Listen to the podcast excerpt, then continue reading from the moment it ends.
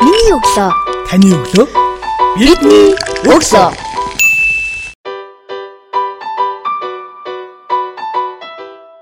Сонсогч танд шинэ 7 оны өглөөний мэндийг хүргэе. Миний өглөө цуврал подкаст ээлж дугаар танд хүрч байна. Энэ удаагийн дугаартаа бид Монгол Улсын соёлын төвний ажилтан зураач хөдөрж улаантай ярилцж байна. Танд шинэ 7 оны өглөөний мэндийг хүргэе.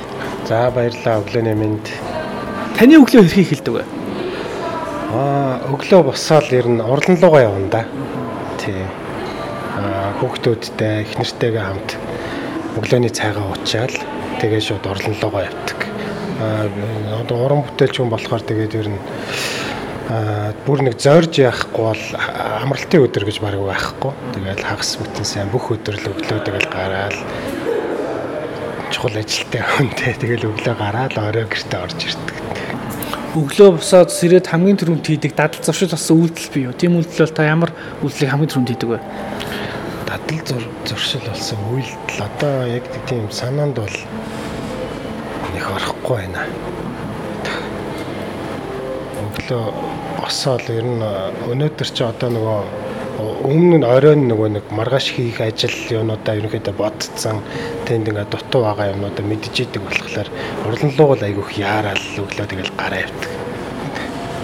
Таны хамгийн бүтээмжтэй цаг хугацаа хэд идэв? Аа тэр минийх бол юу ер нь үдээс хойш бүтээмжтэй байдаг. Одоо яг 6 цагаас оройн 1 9 10 хүртэл тэр үед одоо яагаад тэгдгийг би бас сайн мэдэхгүй. Ямар ч байсан нэг тийм ширээний гэрэл асаагаад нэг юм шаргал гэрэлтэй тэр үед би айгүй сайн төвлөрдөг. Тэр үед өөрөө бас нэг юм хийх юм дуршил айгүй хөдөлдөг. Яг одоо та ямар ажил дээр төвлөрч ажиллаж байгаа би одоогоор бол э, үзэсгэлэн гаргачаад байж байна өөрийнхөө бие даасан үзэсгэлэн тэгээд сүүлийн нэг 2 сар 3 сар орчим үзэсгэлэндээ бэлдээд яг одоогоор бол би яг үзэсгэлэн дээрээ а үзэсгэлэнгийн хажуугаар бас жижиг юм судалбар зургууд төр хийгээд тиймэрхүү л байна. Өдрийн төлөлтөд та юун дээр хөтэлдэг вэ? Өдрийн төлөвлөлтөө би яг нэг хэсэг бол яг утсан дээр нөгөө э, Google календар дээр бичдэг байсан. А ерөнхийдөө бас өдрийн тэмдэглэл бичдэг. Өдрийн тэмдэглэл дээр юугаар бичээд а яг төлөвлөгөөг бол яг бүр нөгөө онцгой ачаалттай үе ялангуяа нөгөө үзэсгэлэнгийн үеэр энэ төр бол бүр яг зүгээр цаасан дээр биччихдэг. Нэг нөр хуудсан дээр яг өнөөдөр энэ нэг энэ маргааш ингэн энийг тэдний дотор гэдэг бүх юма төлөвлөлөө биччихдэг. Тэрнээс биш яг нөгөө өдөр бүр яг уран бүтээлээ хийдэг болохоор бүр айхтар нарийн тэгж бол төлөвлөдгөө. Таны ажил мэргэжлийн бусдаас шаардлагаарх онцлог нь юм бол? онцлог гэхлээр э, яг хоо бүтээлч байдлаараа бас ялгарч болох юм л да. Тий. Одоо нөгөө эргэн тойрноос мэдэрч байгаа магадгүй зарим уран бүтээлчид яг нөгөө нийгэмд байгаа асуудлуудыг энэ төр бүтээлчээр илэрхийлж хүмүүст хүргэдэг те. А яг тэрэн шиг одоо байгальд байгаа эргэн тойрноос мэдэрж байгаа тэр гоо сайхан тэр бүхнээ зургаар өнгөөр илүү бүтээлч байдлаар илэрхийлж байгаа. Тэр нь л онцлог баг та. Тийм. Уран бүтээлчийнхаа хувь уран бүтээлчийнхаа хувьд бусад одоо зураастаас шалгарах онцлог одоо урсгал чиглэлээс хамаарат өөр өөр байдаг хэл тэ. Тийм тийм. Өөр өөр. Яг нөгөө суур уран бүтээлийн ойлгох, нийт урлагийг ойлгох ойлголт хэрхэн төлөвшсөн байна те. Тэрнээсээ шалтгаалаад мэдээж нөгөө арга барил өөрийнх нь нөгөө үзэл санаа ертөнцийг үзэх үзэл тэр юу төлөвшдөг учраас тэндээсээ шалтгаалаад уран бүтээлчд янз бүрийн арга барилаар хийж юм л да. Би хувьдаа бол реалист арга барилаар зурх сонирхолтой илүү дуртай түндэ энэ өөрөө нөгөө реалист арга барил гэдэг маань өөрөө уран зохиолтой бас их ойрхон хүүрнэдэг те дүртэй байдаг. Аа тэгээ ямар нэгэн тэр өнгө хэлбэр дүрсээр цаана заавал тийм нэг хүүрнэл текст байж идэг. Тэрүүгээрээ илүү их ойр байдаг юм шиг надад санагддаг. Хувь хүнд байх ёстой хамгийн чухал гурван чадрыг нэрлэж чигвэл та ямар гурван чадрыг сонгох вэ? Яагаад гэсэн энэ гурван чадрыг сонгож байгаа вэ? Ур чадвар, өвөнд байх чадвар гэхлээр яг энэ тухай янз бүрийн хувилбараар өөрийгөө бас их бодож их эргцүүлдэг л дээ. Яг одоо санаанд орж байгаа юм гэвэл тууштай байх, зөрөгтэй байх, уян хатан байх гэх юм уу те. Магадгүй энэ бас чадвар ах л да тийм. Энэ бол айгүй чухал гэж боддог. Шалтгаан сонгож шалтгаан яг яг мэдээж яг нөгөө өөрөөсөө өөрийнхөө хувьд өөр дээрээ мэдэрсэн учраас сая яг санаанд орсон юугаараа ингэж хэллээ л дээ. Тэгэхээр яг би яг одоо өөрөө нөгөө Италийн Флоренцийн төрчлөг хурлын академид явах гэж сурах гэж төлөвлөөд нилээд ажлуудаа нуглаад явж байна. Тэгэхээр яг энэ үед надад яг надаас яг нэхэгдэж байгаа тэр чадварууд бол бас яг энэ. А яг зүгээр энгийн өдөр тутмын амьдралд бол эднэр бол мэдээж айхтар тэгж нэхэгдээд байхгүй. Тэгэхдээ яг нөгөө ямар нэгэн зориг тавиад тэгээд тэр зорилгынхаа төлөө явж байгаа яг энэ цаг үед энэ тууштай байх, зөрөгтэй байх, уян хатан байх гэдэг яг энэ зүйлүүд яг надаас нэхэгдэж байгаа яг тийм цаг үе байгаа байхгүй. Бүтээлийн яг төрөх агшинд танд мэдрэгддэг хамгийн догтлон бүчээсээ бид нас хаалцаач. Би өмнө нь бас нэг гэтээ яг реалист биш зураачтай ярилцчихсан. Тэгээд би бол ерөөсөө стрессээ гаргах гэж зурдаг гэж хэлчихсэн л да. Тэгэхээр бас энэ зураачийн мэрэгжил их тийм стресс дүүлэхгүй мэрэгжил юм шиг санагдсан. Яа тэгэхээр нийгэмд байгаа бүхэмдэлд хүн стресстэй дуулан талах ч юм уу дугуйнах гүүх ямар нэгэн байдлаар тэр уур хөндлөөс өөрийгөө чөлөөлөх юм алхам үйлдэлүүд хийдэг те. Тэнгүүт тэр хүн ингээд стрессээ тайлж байгаа мөртлөө бүтээл төрөөд байгаа байхгүй юу. Тэгэхээр таны хувьд яг зог зурж явах тэр бүтээлээд урлаж байх үедээ мэдрэх мэдрэмжээс авалтаа шорон бүтээлчний хувьд. Аа. За миний хувьд бол яг тийм стресс тайлах гэдэг юм уу яг тийм юугаар бол надад бол нэг тэгж мэдрэгддэг. Аа яг би өөрийгөө ингээ анзаархад бол уран бүтээл хийхэд зургийнхаа ард суухад сайхан зураг зурхад сэтгэлийн биеийн тийм амар амгалан байдал айгу чухал байдаг.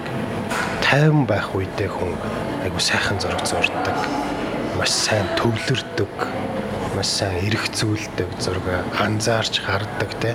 А энэ нь а энийг ингэх хэрэгтэй байна. Энэ дээр би жоохон ингэсэн байна гэдэг ч юм уу.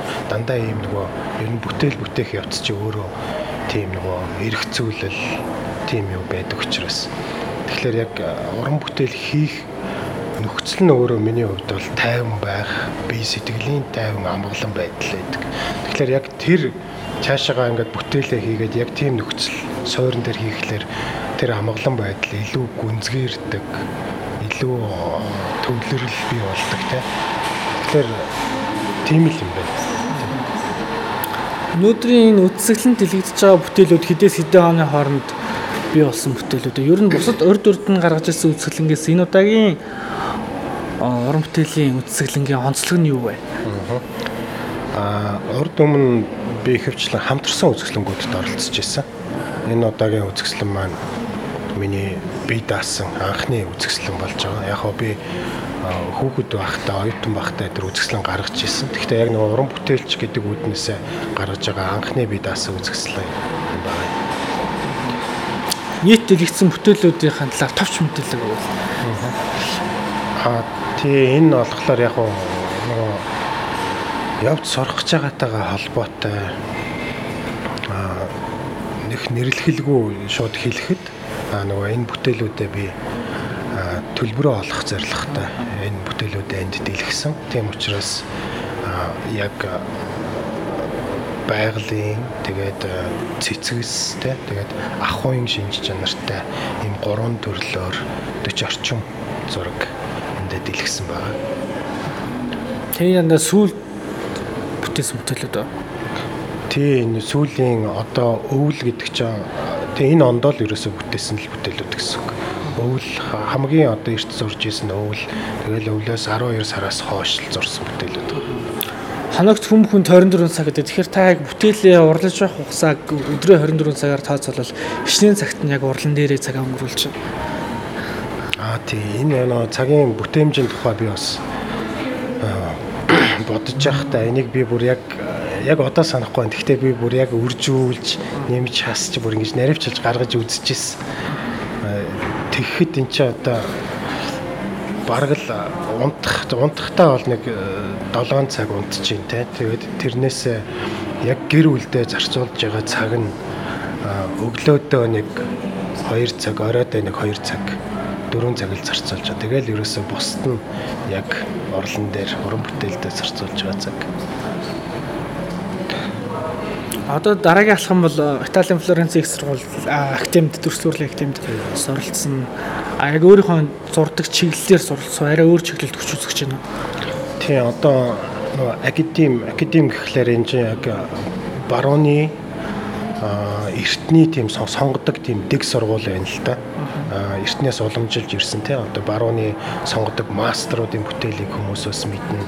Тэгэхээр яг тэр мастеруудын арга барил тэр дэг сургууль өөрөө өнөө хүртэл баруунд тэр дундаа Европт уламжлагдаад өвлөгдөөд ирсэн те. Дэлхийн бүрийн дүрслэх урлагт гарсан том том ололтууд, илэрхийллийн арга техникийн ололтууд баруунд Италид байж байна.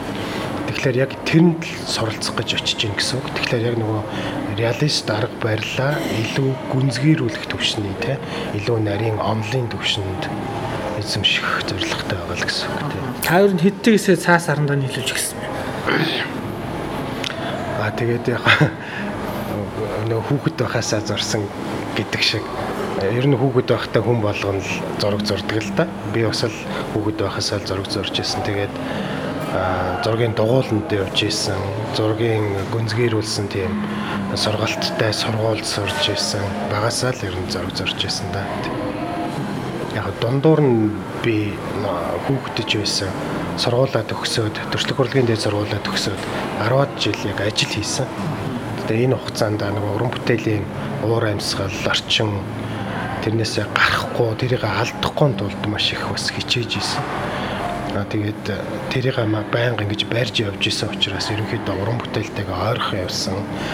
Тэгээд 10 жилийн дараа ажилласаа гараад би одоо яг бидаасаа уран бүтээлч болоод 3 жил гарсан болж байна. Буцаад одоо сураачаараа ажиллаж гэсэн үг шүү дээ. Тий одоо сургуулаа төгснөөсөө хойш 10 жил ажил хийчээд аа ажилласаа гараад дахин өөрийгөө уран бүтээлд уран бүтээлч болгоход өөрийгөө сургаж дахиж өөрөө суралцж эхэлсэн гэсэн үг.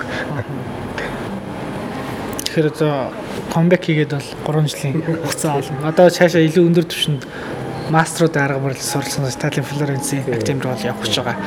Тэнд хэдэн жил суралцсан вэ?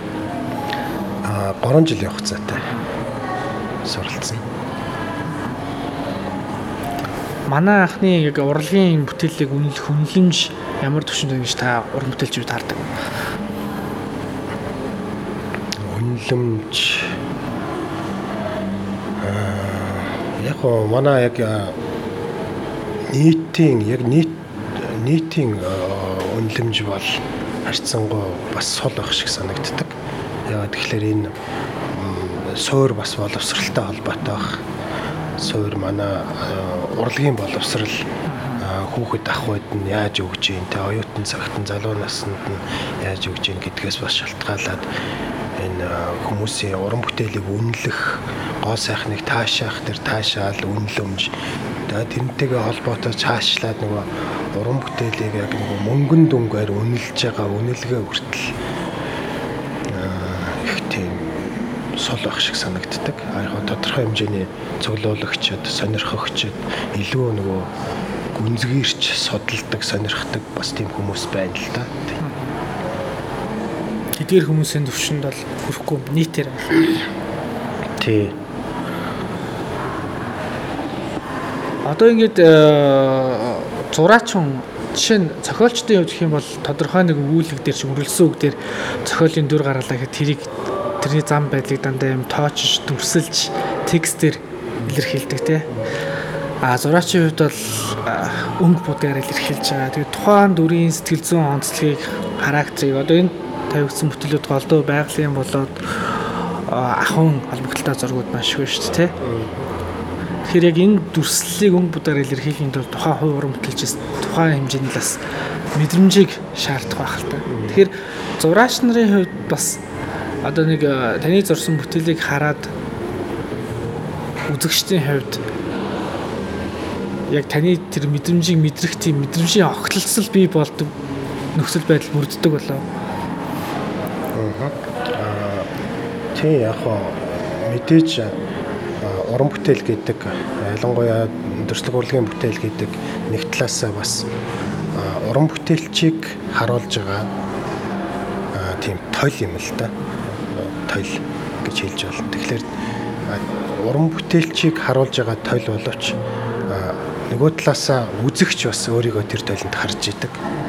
Нэг тийм би өөрөө тэгж боддог уран бүтээл ер нь энэ төрслөг урлагийн бүтээл гэдэг бол тэгэхээр яг одоо манай энэ үзэсгэлэнгээс маань хүмүүс үзээд яг миний мэдэрч ийсэн миний илэрхийлэхийг хүссэн зүйлийг бас мэдэрч юм тэрийг яг ингээд ирээд хэлж юм л та тийм маш тэр нь маш их сайхан байгаа. Би өөрөө бас яг нөгөө нэг бүтээл тавиад яг нэг бүтээлийнхээ ард ингээд суухдаа бас төдийлэн их анзаардаг юм байна. Одоо яг олон бүтээлүүдээ ингээд зэрэг дэлгэж тавиад тэгээд тэрийг ингээд бүгдийг хүмүүс ингээд яваад үзэхлээрэ тэр олон бүтээлийн дундаас магадгүй ингээд нэг юм давтагдж байгаа, огтлцж байгаа зүйлс нь хүний сэтгэлд үлдэж байгаа дээ. Яг тэрийгээ ингээд илэрхийлээд хэлэхэд тэр нь яг харахгүй би байгаа юм л та. Одоо ингээд э, нэг бүтээлээ ардах гэж та хичнээн хугацааны засварыг хийдэг байна. Засвараа. Аа. Аа. За яг гоо энэ засвар цаг хугацаа бас ойролцоо ойлголтууд. Тэгэхээр нөгөө уран бүтээл дээр хийж байгаа тэр засвар юу бол харьцангуй өөр л дөө. Бүтээлийн нөгөө сэдв, агуулга, хэмжээнээс шалтгаалаад аа, эхлний нөгөө нэг эскиз буюу төлөвлөлт сайн хийгдсэн тохиолдолд бол мэдээж засвар бага орно. Тэр яг гүйцэд ойлгомжтой гараагүй үедээ бүтээлээ эхэлсэн бол бүтээл хийж явах явцад өнөх засварууд чинь хийгдээд эхэлнэ л дээ. Манай подкастыг голдоо 18-аас 22 насны залуучууд төлхөө сонсдог. Тэгээд э, эдгээр залуучууд бол ихтэй сургуулаа төгсөж байгаа залуу мэрэгчлэтнүүд эсвэл 10 жилийн төгсөөд ихтэй сургууль сурлаж байгаа оюутан залуучууд голдоо сонсоод яг мэрэгчлээ яаж сонгох уу гэдэг дээр. Тэгэхээр яг энэ уран зураачаар сурыг мэрэгжлийн сургуульд нь сурч мэрэгжлийн зураач болъё, уран бүтээлч болъё гэж байгаа сонсогчд байхыг үгүйсэхгүй. Таны зүгээс тэдгээр залууч танд юу хэлэх вэ? Аа тэгэхээр залуучуудтай уран бүтээлч болохыг хүсдэг, тэмүүлж байгаа, ирж хайж байгаа тийм залуучууд маань хэрвээ сонсож байгаа бол хамгийн гол юм бол авьяас дангаараа одоо хангалттай биш гэдгийг ойлгох хэрэгтэй. Би авьяасгүй би жоохон сул гэж бодоод хөдөлмөрлөхөө болох хүсхээ тэмүүлэхээ болох тэгэж болохгүй. Тэгэхээр яг онлын боловсрал авьяас олон юмны тийм нийлмэл тийм шинж чанар байна л да. Тэгэхээр тийм байдаг учраас нэг бол би одоо авьяастай юм чинь би яачин гэж бодож болохгүй. Энэ дээр нэг онлайн боловсрал хэрэгтэй. Тэгэхээр дахиад цаашаа надад юу хэрэгтэй вэ гэдгээ ирж харах хэрэгтэй. Нөгөө талаасаа би эдгээр дуртай боловч надаа жоох авьяас байхгүй дээ гэж хэрвээ бодож байгаа бол бас тийм биш. Аа хөдөлмөрлөх хэрэгтэй. Тэгж л хэлмээр энэ нэг юм асуухаа марч үзэсгэлгийнх нэрийг ягаад илчгэрл гэдэг гэсэн бэ? Ер нь бол ингээд үзэсгэлэн зураач хүний хувьд ч ер нь бүтээлч хүний хувьд юм одоо зохиолчтой романы нэрийг хүртэл их том агуулга юм шүү дээ. Тий. Тэгэхээр тэнд бас зурсан бүтээлүүд дээр бас бүтээлүүдийн нэр бас харагдаж байгаа харагдсан. Тий. Тий, яг нөгөө уран бүтээл дээр хэрвээ ярих юм бол заримдаа бас хүмүүс асуудаг. Яг ингээд галерейд байж хахад ер нь сайн байна уу те одоо би уран зургийг сайн мэдэхгүй. Тэгээ одоо уран бүтээлийг ер нь яаж үзэх хэвтэй, яаж энд хандах хэвтэй, яаж мэдрэх юм те яаж унших юм гэж асуудаг. Тэгэхээр уран бүтээлийг унших хамгийн ихний алхам бол ер нь бол нэр байдаг. нэрийг унш тэгээд дараа нь зураг хар гэж би яг зөвлөдөг. Тэгэхээр яг нэр тийм чухал ажил холбогдол холбогдолтой байдаг. Үзэсгэлэнгийн нэрийн хувьд болохоор ерөнхийдөө нөгөө айл гэр бүртэл ер нь хүн бүхний сэтгэлд айл гэр бүрт нэг тийм илч гэрэл, илч дулаан тийм амар тайван байдлыг түгээгээсээ миний одоо бүтээлүүд гэсэн тийм үднэс л өгсөн. За маш баярлалаа цаг зав гаргаж бидэнтэй ярилцсанд. Таны цаашдын орон бүтээлд өндөр өсөндөр амжилт хүсье. За баярлалаа. Ярилцсанд баярлалаа. Сонсогч та бүхэнд миний өглөө сурал подкаст ээлж дугаараа хүргэлээ. Удаад бид Монгол Улсын соёлын төрийн ажилтан зураач хөтөр чулуунтай ярилцлаа. Дараагийн 7 хоногийн шинэхэн дугаараарыг уулзлаа. Түр баярлалаа.